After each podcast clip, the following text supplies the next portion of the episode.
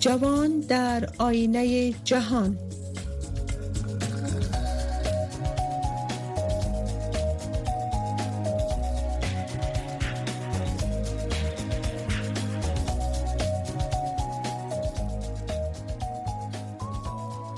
جوانان عزیز و شنونده های محترم سلام. رویا زمانی هستم. با تقدیم برنامه امشب از امواج رادیو آشنا صدای امریکا امیدوار هستم که همتان دارای صحت و سلامت باشین. به امید صحت و سلامتی شما برنامه را آغاز می کنم شنونده های محترم و جوانان عزیز جمع از نهادها نمایشگاه زنان افغان برای صلح جهانی را در کابل رونمایی کردند که در این نمایشگاه خاص زنان افغان توسط تابلوهای دستوزی شده به نمایش گذاشته شده است. روی جزیات این برنامه می خواهیم که صحبت داشته باشیم با مریم سادات رئیس نهاد کلبه سفید که یکی از برگزار کننده های این نمایشگاه می باشند و همچنان نجیب الله حبیبی رئیس اجرایی انجمن ماستران و دکتران افغانستان در برنامه با ما هستند و از ایشان تشکری می کنیم به خاطر حضورشان در برنامه. هر دو میمان خود به برنامه خوش آمدید. می میگیم. خانم سادات سلام به شما و شما را به برنامه خوش آمدید میگیم. عرض سلام خسته نباشید. من هستم. آقای حبیبی شما را هم به برنامه خوش آمدید میگم. سلام خدمت شما و شنونده های محترم شما. خب خانم سادات شما در آغاز برنامه ای را بگوین که نمایشگاه زنان افغان بر صلح جهانی برگزاری این نمایشگاه چی هدف داشت و چی انگیزی شما داشتین که برنامه را اندازی کردین؟ تشکر می‌کنم. یک سلام خاص به شنونده های عزیز تقدیم دارم. انگیزی از این تابلوها و این نمایشگاه سه سال قبل از امروز بر ما ایجاد شده بود. بر ما و بر جمع از همدیمی ایجاد شده بود که خواستیم میره تلویزی بکنیم و دوخ بگیریم و پیام سال جهانی را برسانیم. از آنجایی که زنای افغان در سه دهه که اخیرا جنگ بود نتونستن قلم به دستشان بگیرن. ما خواستیم که یک آگاهی آمه پیامدهای صلح جنگ و پیام صلح زنای افغانستان در قالب سوزن بیان بکنیم. و این نمایشگاه متشکل از نو تابلو است. نو تابلو در بر می‌گیره که قربانی های صلح خوشنط کننده جهانی و پیامد صلح نه تنها در افغانستان بلکه بیرون از مرزهای افغانستان پیام رسانی می‌کنه خب خانم مریمی دختره که خانما یا زنا انجام دادن از از, از خود کابل است یا از ولایت ها هم در این نمایشگاه اشتراک ورزیدن. تشکر می‌کنم. موادی که برای تابلوها تهیه شده از ولایت ها آمده. چون تماما موادشان طبیعی است حاصل دسترنج خانما است. دختش هم به کابل شده اما به ساعت دوردست. خانمایی که دسترسی به دفاتر نداشتن ما این تابلوها را به خانه هایشان بردیم. بعد از ختم دخت اینا را پس انتقال دادیم پس دوباره قالب گیری کردیم پس دوباره آمادهش کردیم و به خاطر رونمایی نمایشگاه خوشبختانه موفق شدیم. و چقدر علاقمندی نشان دادن؟ کسایی که بازدید کننده ها بودن از این نمایشگاه علاقمندی مردم چگونه بود و واکنش مردم؟ خب واکنش های مردم متفاوت است. چون این تابلوها هم از نظر صلح جهانی وقتی که میگیم از لحاظ دینی هم فرق داره پیامش. ما خواستیم که یک تابلوی رو ترسیم می‌کنیم که تماما ادیان در او گنجانیده شود و پیام صلح از نظر تماما ادیان بتیم و درخواست صلح از تماما ادیان از جامعه بین المللی بکنیم. طبعا پیامدهای خود در قبال داره اما خوشبختانه دوستایی که در این نمایشگاه اشتراک کرده بودن خیلی استقبال کردن و پسندیدن. خب خانم مریم از جایی که ما نمی‌تونیم که تصاویر نشان بتیم می‌خوایم که برای شنونده بیان کنین. شما که در دوختایی که استفاده شده بود دیزاین این تصاویر کی طرح کرده؟ تشکر می‌کنم. دیزاین از این تصاویر جان خود ما طرح کرده. که البته ما اول اینا را دیکوریشن کردم بعد از بعد از امرای دو هم تیمیم اینا در جریان گذاشتیم. پس اینا دوباره دیزاین کردیم به چاپ بردیم. بعد از ختم چاپ که روی تکه البته تصاویر چاپ میشه. بعد از چاپ تصاویر اینا به مرحله دوخت میره به پرسه دوخت. تماما طراحی ازی مربوط همین تیم ما میشه. و طراحیش خود ما کردیم خانه ما کردن. اما اونا هم نظریات خودشان داشتن. خب، خب، که پیامی که در ذهنشان بود اون را هم رساندن بسیار زیاد تشکر از معلومات که شما ارائه کردین. آقای حبیبی به شما برمیگردیم. شما بگوین که انگیزی که شما داشتین در عقب راه اندازی برنامه چی بوده و چقدر جوانا علاقمند علاقمندی نشان دادن به این برنامه و چقدر اشتراک داشتن در برگزاری خود برنامه؟ سلام مجدد خدمت شما. چون که اینجا رمضان بود و نسبت شیوع ویروس کرونا ما برنامه کلانتر گرفتن. نمی‌تونستیم. دوستایی که آمده بودن جوانایی که آمده بودن این نمایشگاه اشتراک کرده بودن و یار ما محدود خواسته بودیم تنها رسانه رو خواسته بودیم و جمعی از اعضای نهادهای امیسیگانه بله. که اینا اشتراک کرده بودن و اینا خیلی اینا رو پسندیدن خب آقای حبیبی شما در, در مجموع در کل اگر بگوین که رواندوزی همچون نمایشگاه ها چقدر می‌تونن که برای جوانا روحیه بتن برای جوانا انگیزه بتن؟ تا کارهایی که تا حال نکردن اونا با راه اندازی همچو برنامه ها اونا هم انگیزه پیدا کنن. یعنی در بخش جوانا شما صحبت های بیشتر کنین. بسیار خوب. ما خواستیم در می کار ما یک نوآوری کنیم و یک کار نو. برای بندازیم که بسیار در همایی ها شده راجع به کنفرانس ها شده راجع به صلح و بسیار برنامه ها گرفته شده. ما خواستیم از طریق هنر و از طریق دستوزی زنان افغان ما این اشکار برگزار کنیم. چون که زمان هنر زمانی است که ولی اساس ما خواستیم که از طریق هنر دستوزی و نقاشی و رسامی ایره ما و ملت افغانستان و جهانیان ما پیام بدیم که مردم شریف افغانستان هم جوانان هم زنان صلح می‌خوان و زنان و جوانان افغان امروز. آقای حبیبی آوازتان قد وصل میشه. کمک سال پیش حال اینا صلح می‌خوان و آگاه هستن. خب خانم سادات به شما برمیگردیم. افغانستان در یک مقطع بسیار مهم امنیتی قرار گرفته از خروج نیروهای بله آقای حبیبی همراه خانم سادات برنامه را ادامه میتیم خانم سادات آواز من آواز من میشنوین؟ بله بله صدای دارم خب.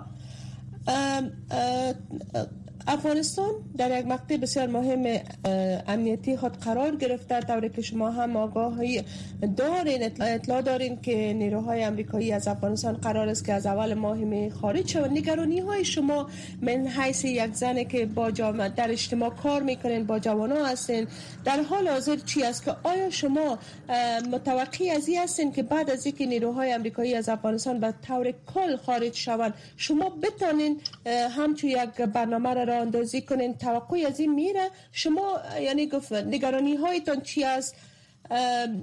خوشبینی هایتان چی است برای آینده؟ تشکر می‌کنم.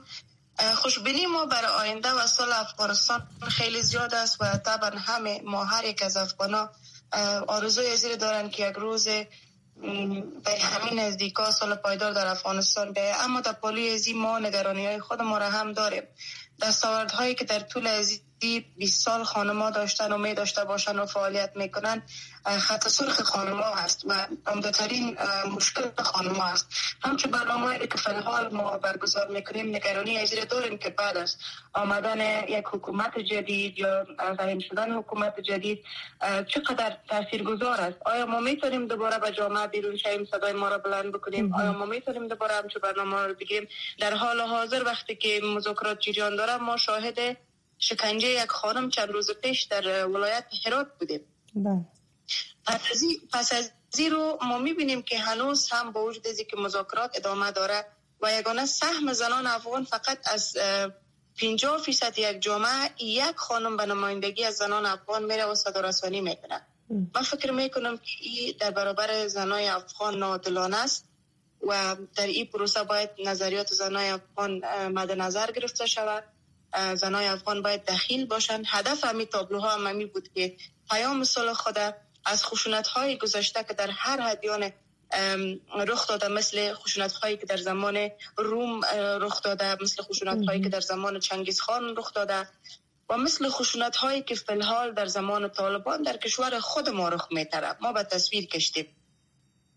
و خواستیم که پیام مسئول را داشته باشیم و به همه زنایی که فعلا در افغانستان مورد خشونت قرار می‌گیرن جامعه بین المللی نهادهای حقوق بشری و مخصوصا سازمان ملل متحد توجه خود نشان بده به خاطر آوردن صلح پایدار در افغانستان و به خاطر حق و حقوق زنها.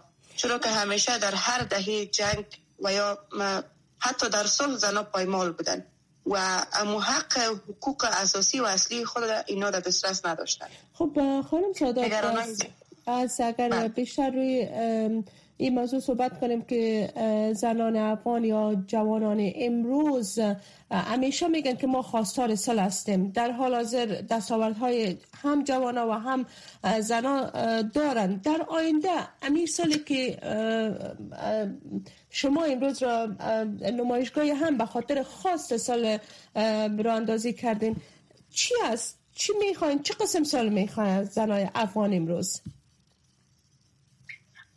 ما صلح را می خواهیم با حق و حقوق خود ما.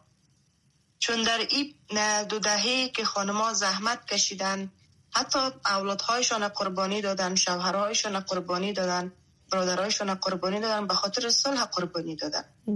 وقتی که صلح بیایه و در او صلح جایگاه زن ارزش نداشته باشه من فکر می‌کنم که یک زندان بیش بر زنان است کشور خودشان. و دو دهی که زنان مبارزه کردن و قربانی دادن به خاطر حق و حقوق و به خاطر حق و عدالت مبارزه کردن. خانم سادات فکر می‌کنین که خانما قادر باشد که در آینده از امی حق خود از دستاوردهای خود یا جوانات دفاع کرده بتانن یا خیر؟ این موضوع مکملا نامعلوم است.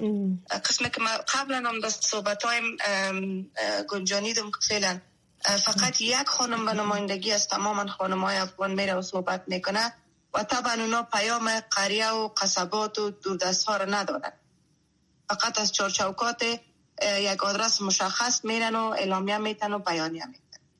اما بیاین درد واقعی زنای افغان بشنون پیام واقعی زنای افغان بشنون و بر توجه بکنن. بله. خدای نخواسته نشه روزی که دوباره امی زحمت های 20 سالی را که جامعه بین المللی داشته زنای افغان داشته حکومت افغانستان داشته اینو همشان به هدر بره. از اون لحاظ فل حال خوبتر است که همگی صدا بلند بکنن به خاطر آوردن صلح در افغانستان باید حداقل کوچکترین سهمشان داشتن. سهم ما از این پروسه امی کوچکترین کار که می‌تونستیم همی بود که نمایشگاه را برگزار کردیم. البته سه سال روی از این نمایشگاه کار کردیم. چون خودتان می‌فهمین که صنایع دستی خیلی خیلی دیر دوخته میشه. بله. و این تابلو را که شما ببینین بسیار با ظرافت خواست با پیام خاص سوخته شده.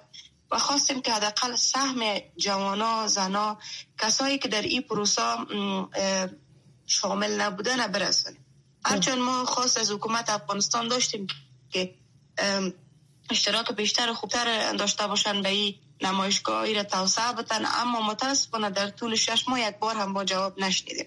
از اون لحاظ ما فلحال می‌بینیم که همیشه پروسه سل تمثیل میشه و منای واقعیش هیچ کسی روی پروسه سل کار نمی‌کنه و این نگرانی خیلی جدی را بر ما به بار آورد تشکر خانم سادات از شما. آقای حبیبی آواز مرا میشنوین؟ اگر میشنوین در کل شما روی نقش جوانا و زنای افغان پیرامون سال صحبت کنین و این بگوین که چقدر جوانا و نظر شما چی است که می‌دانند که از حقوقی که به دست آوردن در دو دهه گذشته در, در آینده هم همچنان دستاوردهای داشته باشند و همچنان همین دستاوردها را حفظ کرده بتانند؟ بله. بسیار تشکر. باز هم جوانا باید هم صدا شوند و صدای واحد پیدا کنند تا که صدا شنیده شوه و حق گرفته میشه نخواسته.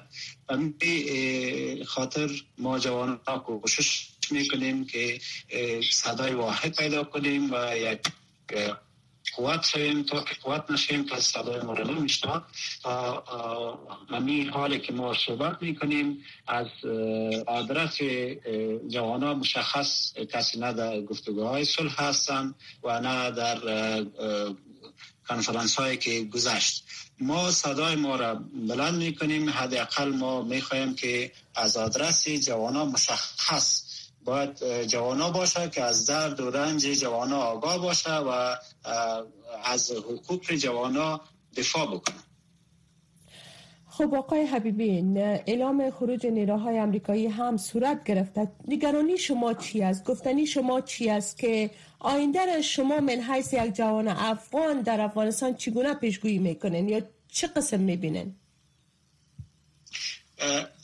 آینده افغانستان اگر یک توافق بین الافغانی و تحت نظارت جامعه بین المللی درست گرفته شود ما خوشبین هستیم.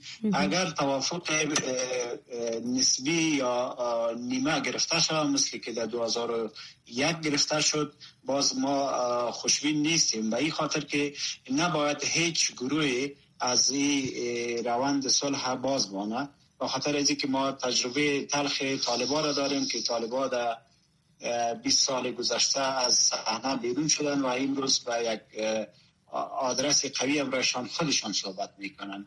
هدف امریکایی هستند نباید هیچ آدرسی یا هیچ گروه سیاسی اجتماعی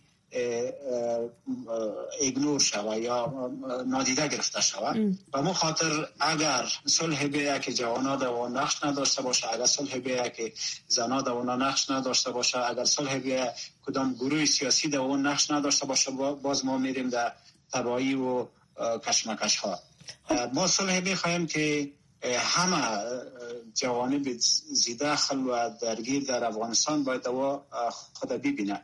و نگرانی های کلان مایی است که باید های 20 سال گذشته ما حس شود و تا جایی که ما منتقد به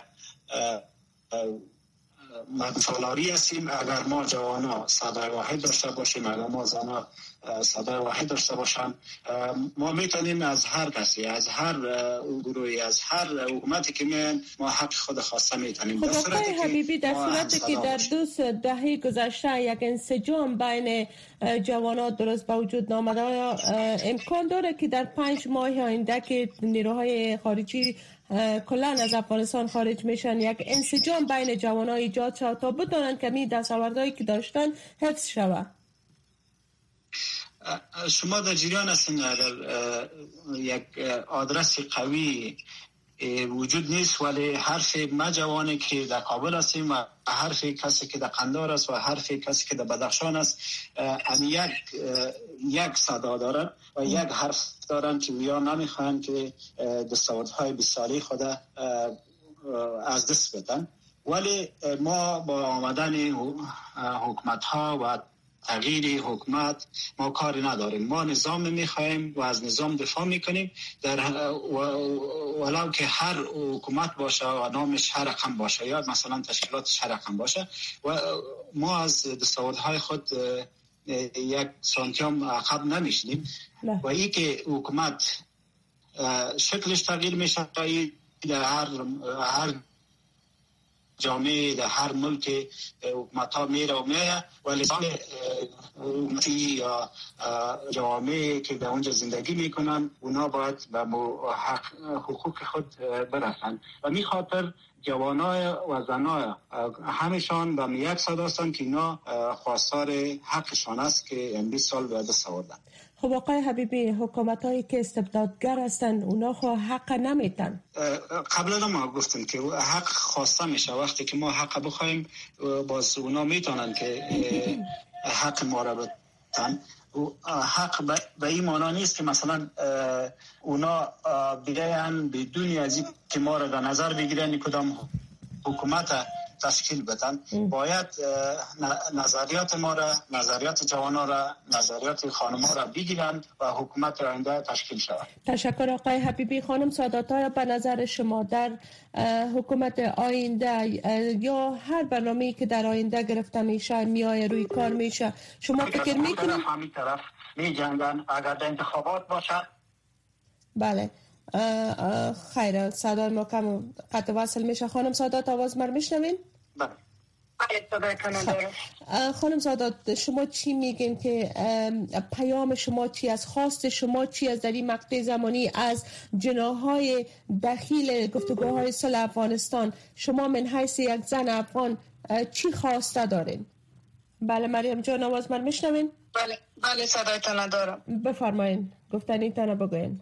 من سوالتون نگرفتم خب. بسیار میبخشین. خواهش می‌کنم پروا نداره. من این از شما پرسیدم که زمانی که در آینده یک نظام تشکیل شود آقای حبیبی میگه هر گونه نظامی که باشه نظامی باشه که حقوق جوانا در او حفظ شود. یا شما چی فکر می‌کنین که آیا زنها می‌تونن دستاوردهای جوانان مخصوصا دختر خانم می‌تونن دستاوردهایی که در طول سالهای گذشته داشتن در آینده داشته باشن؟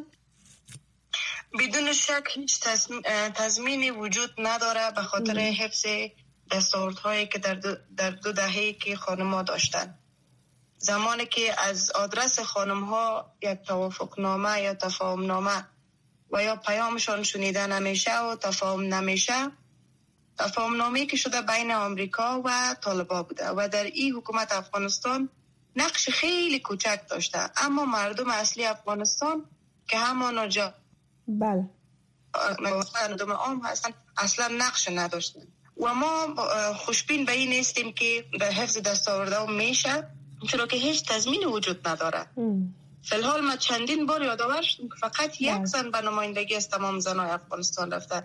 و امو آدرس درست پیام درست را هم فکر نکنیم که رسانده بتونن خب. اما خوشبین هستیم خوشبین هستیم صدا بلند می‌کنیم تا جایی که توان داریم تا جایی که خون در رکهای ما از پیام صلاح را میرسانیم اما نگرانی وجود داره چون هیچ تضمینی وجود نداره به خاطر دست 20 سالی زنان افغان و خانم سادات به گونه سوال اخیر پیامتان چی است؟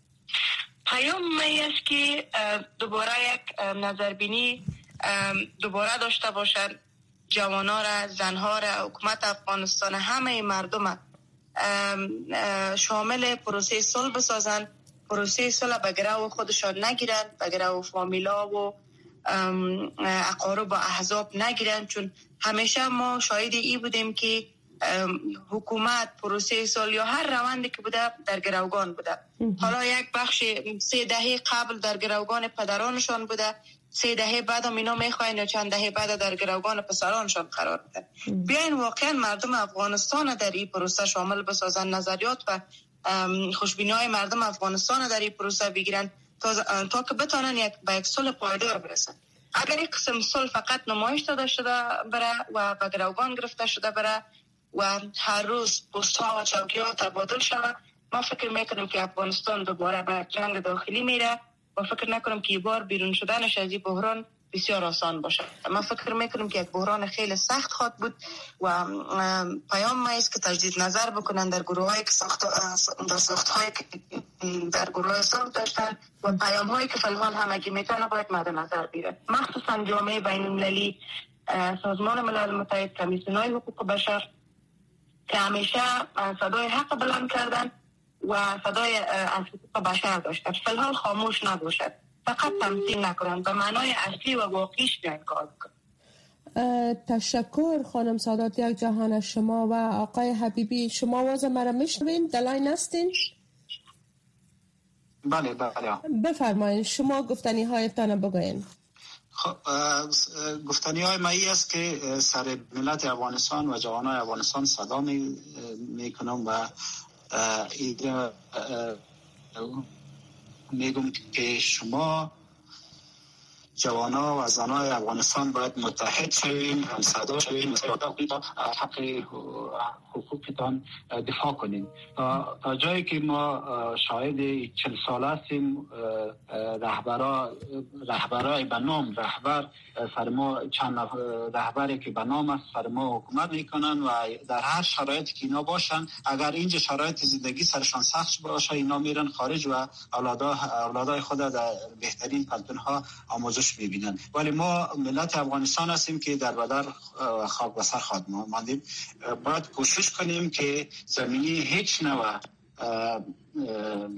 دستبرد صلح را به هیچ کس نتیم که از این صلح من حیث ابزار استفاده کنه و باز سر سرنوشت جوانا و زنای افغانستان نامل صورت بگیره جهان سپاس از آقای نجیب الله حبیبی و همچنان مریم سادات از اینکه شما در برنامه حضور یافتین.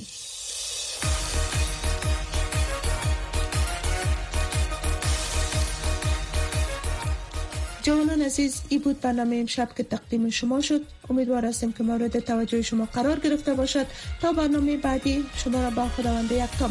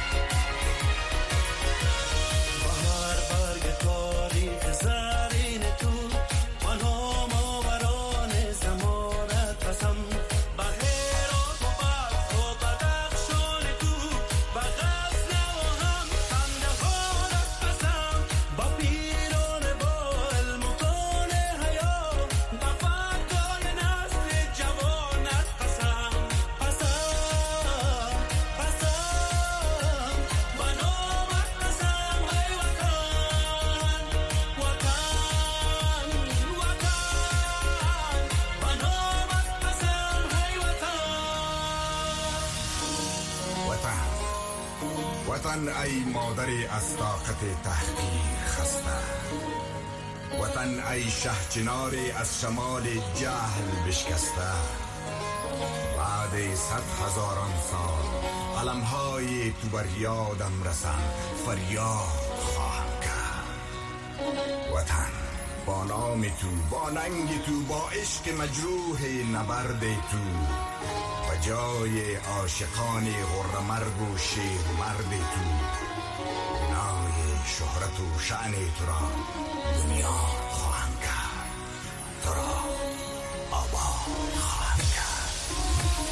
بدن که گوهر بار پاکی زد بجانت بجانت